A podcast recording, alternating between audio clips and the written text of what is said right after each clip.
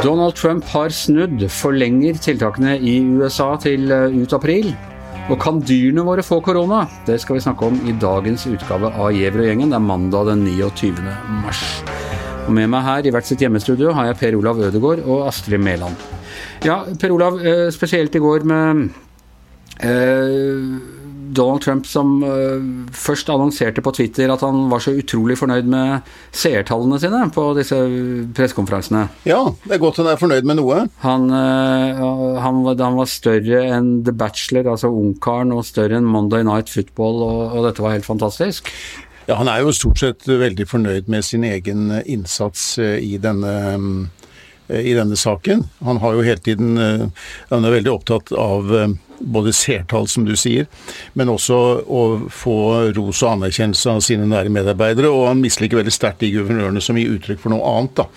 For de har jo møte med, telefonmøte med disse guvernørene, og der kommer det ikke alltid fram det samme Nei. De og, det, og det, er klart disse uh, pressekonferansene gir ham jo en helt utrolig uh, plattform, til tross for alt det rare han har sagt, og hvor lang tid det tok før han tok dette på alvor. Bare for en uke siden så skulle han åpne landet igjen eh, til påske osv. Så, videre. så får han altså stadig økende oppslutning. Nå har han nesten 50 eh, approval rating, altså nesten halvparten av amerikanerne syns han gjør en god jobb. Og det er omtrent de beste tallene han har hatt eh, siden han ble president. Ja, og Så kom det en ny meningsmåling nå, så jeg, som viste at han og Joe Biden er, har omtrent like stor oppslutning. Altså Biden kanskje på 49 mot, uh, mot Trumps 47% Det er innafor den feilmarginen der.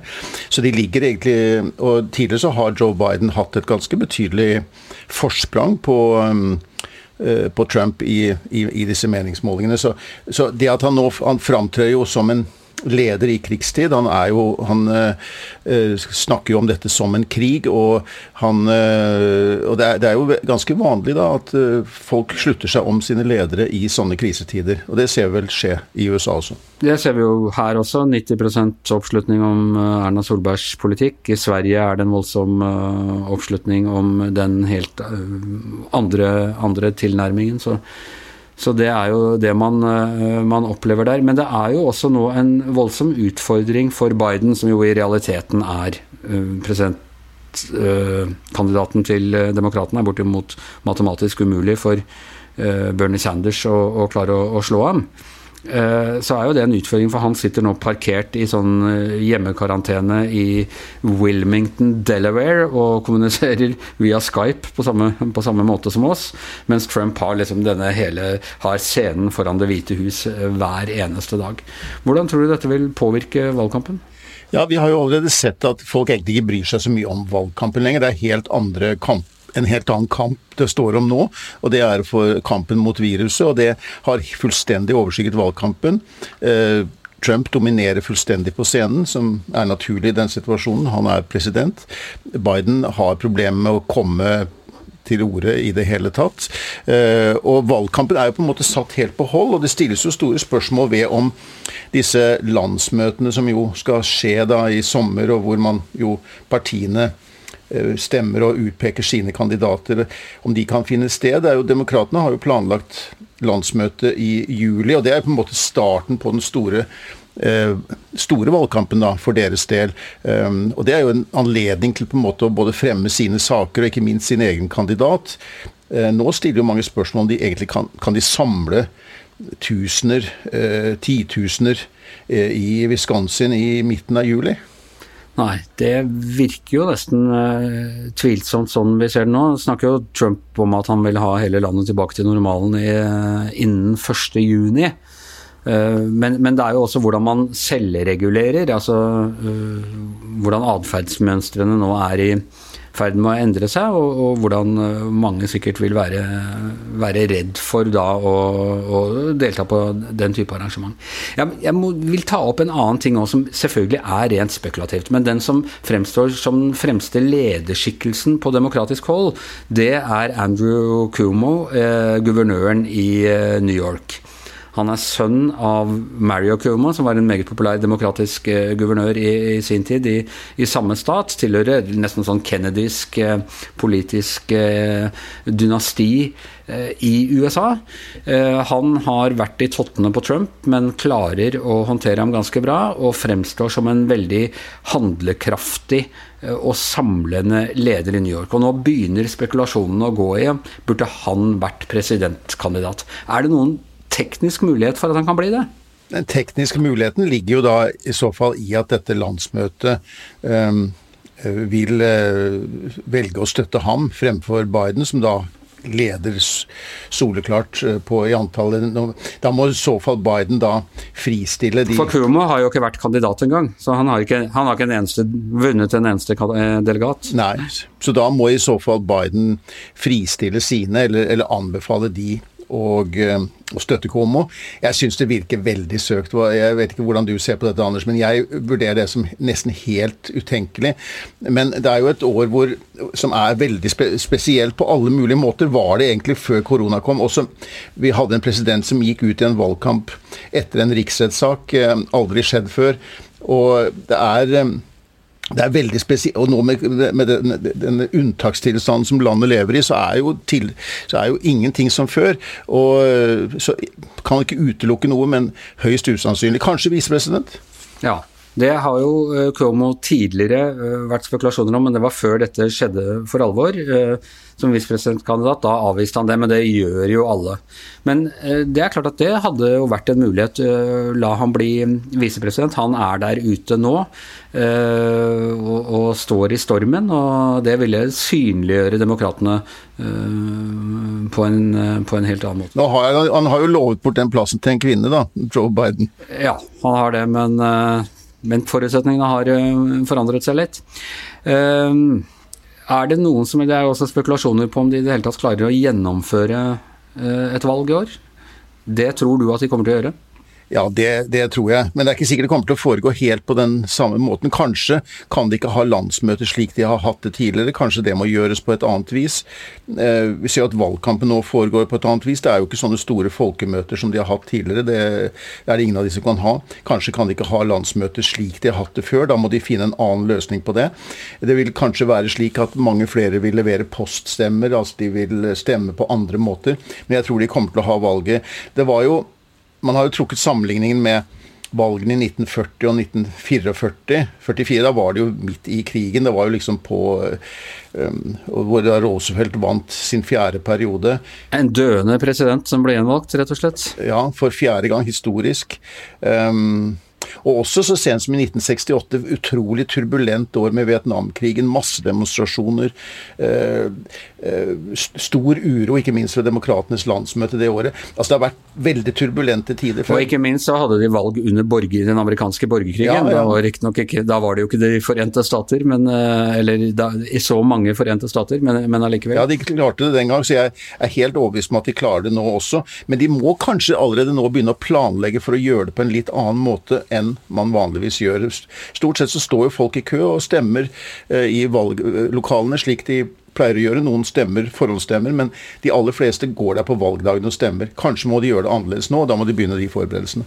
Eh, det blir, eh, det blir, et intenst år. Det blir spennende å se også hvor lenge denne oppslutningen til Trump varer, og, og om, om, den i det hele tatt kommer til å vare, eller om demokratene kommer på Uh, offensiven. En helt annen ting. Uh, Astrid, uh, i dag våknet vi til nyheten om at en katt var smittet av koronaviruset i Belgia. betyr det at vi nå må begynne å passe oss også for å holde sosial distanse til dyr? Eh, Anders, det var liksom et litt sånn dumt spørsmål i forrige uke da vi begynte å snakke om det i redaksjonen, og alle bare lo av, eh, lo av, oss. Det var jo eh, her, liksom. Men eh, nå viser det seg at det er ingen spørsmål som er for dumt å stille. Det er både to hunder og en katt som har fått eh, koronasmitte. Eh, så er spørsmålet kan de smitte, smitte mennesker? Kan vi smitte kjæledyret vårt? Eh, kan jeg smitte hunden som jeg klappa, som jeg møtte da jeg var ute og gikk tur i forrige uke? Jeg må si at jeg tenkte ikke på det i det hele tatt, men så nå har jeg begynt å google litt og funnet ut eh, litt av hvert. Nei, for jeg har mer enn nok med å holde meg unna joggere, om jeg ikke skal holde, holde meg unna bikkjer også. Og tenk på hunder, da. Det går jo an med sosial sånn distancing for mennesker. Jeg vet ikke, hunder Det er ikke sjans. Det går ikke, for å si det mildt. De, de er jo sosiale. Men altså, det, det, er denne, det er denne katta foreløpig, og du nevnte også noe uh, dyr i Japan, eller noe sånt, var det det? Hongkong har uh, hatt uh, hund i karantene.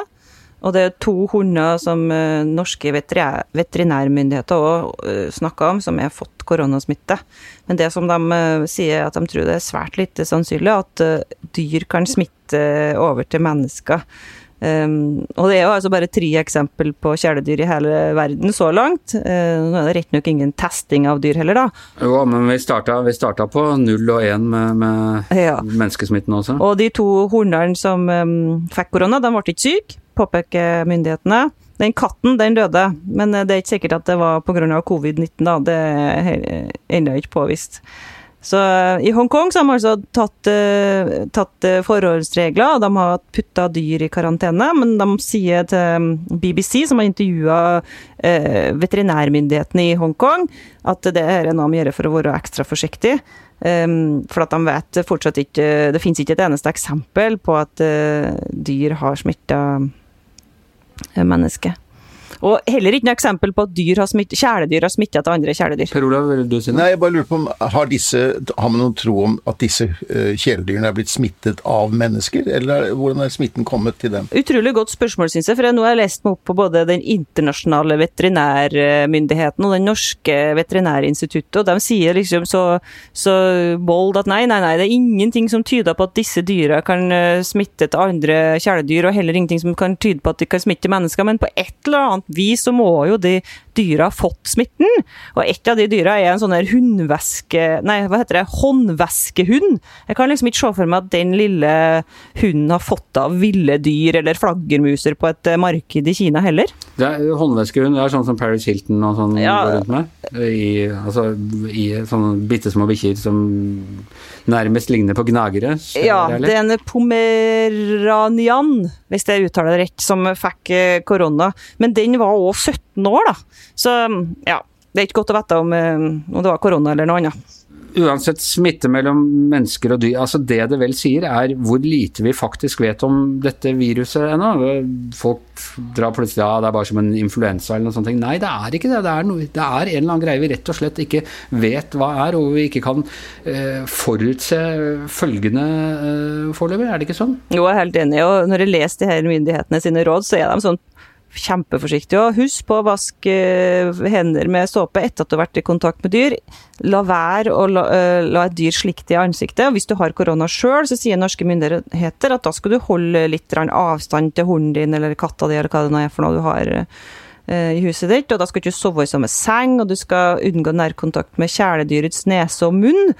Um, og så sier de òg at det kan tenkes at dyra kan få viruspartikler i pelsen sin hvis de er i kontakt med et smitta individ, men at de tror det er lite sannsynlig at det smitter over til mennesker igjen. Men igjen, altså lite sannsynlig, veit ikke. Her har vi store kunnskapshull. Det påpeker de igjen og igjen. og eh, Det gjelder både for mennesker og dyr at eh, vi må på en måte basere oss på gammel kunnskap om gamle koronasykdommer og gamle lignende sykdommer, men vi vet ikke nok om den nye sykdommen. Per Olav? Det var jo antatt da at sykdommen eh, korona, dette nye viruset, kom fra dette dyremarkedet, eller matmarkedet i Wuhan. Og da var det jo snakk om flaggermus, det var snakk om andre dyreslag også som befant seg der. Men man vet vel heller ikke det helt sikkert på en måte hvor opprinnelsen til dette viruset og hvordan det kom til mennesket? Nei, det tror jeg du har rett i. Jeg har sett mange eh, teorier, men det kan hende det er en del konspirasjonsteorier òg. Eh, vi kunne ha hørt med Trump, han, han, er sikkert eh, ganske sikker på at det er kinesisk i hvert fall. Mens andre kilder begynner å snakke om at det kan ha oppstått andre plasser. Jeg fikk akkurat tilsendt en sånn meme, eller hva det heter, på, på, tekstmelding fra en kamerat her, som skriver at 'Whoever said one person can't change the world, never ate an undercooked bat'. Altså den som sier at en, ett enkeltmenneske kan ikke forandre verden, har aldri aldri spist en dårlig kokt flaggermus. Og det, jo, det, det er jo et eller annet sånn ting som har satt i gang hele denne flaggermus eh, Jeg holdt på å si flaggermuseffekten, er vel eh, sommerfugleffekten jeg, jeg mente å si. Ja, noe sånt må det jo være. Eh, det gjenstår å fortsette å se. Det er altfor tidlig. Men det, virker jo alle tegn som er seriøse, som jeg har lest i hvert fall, uten at det er oversikt, tyder jo på at det er et dyremarked i, i Kina som, der spredninga først skjedde fra dyr til menneske. Det er i hvert fall én ting som man burde stenge ned en gang for alle, og det var den type markeder. Jeg, jeg vet ikke med dere, men jeg har vært på, og sett på noen av disse markedene før, og jeg er helt sikker på at det norske mat, Mattilsynet ikke ville godkjent disse stedene. De ville blitt stengt på dagen, og det burde de nok vært også for lengst. Jeg må si bare de der, en del av de der markedene i Chinatown i New York, Per Olav, at hvis det norske Mattilsynet hadde gått forbi der, så hadde de, hadde de reagert. For det, og der kravler og kryper i alt, alt mulig rart eh, rundt i sånne små bokser. Ser, ser ikke bra ut. Ja, det er kineserne som uh, visstnok skal ha ja, Dette vet jeg ikke om stemmer engang, det vet kanskje du, Per Olav. De har et sånt ønske, de sier til hverandre at må du leve i interessante tider? Uh, og nå syns jeg kanskje at de har skaffet oss i overkant interessante tider å leve i. Ja, det, det, er riktig. det, er riktig. Og med det så tror jeg at vi erklærer Giæver og gjengen over for i dag. I hvert sitt hjemmestudio Per Olav Ødegaard, uh, Astrid Mæland, Anders Giæver og mannen som tar alle disse sommerfugleffektene og make, baker det sammen til en samlet podkast et eller annet sted der ute i cyberuniverset, heter Magne Antonsen. Vi høres igjen i morgen.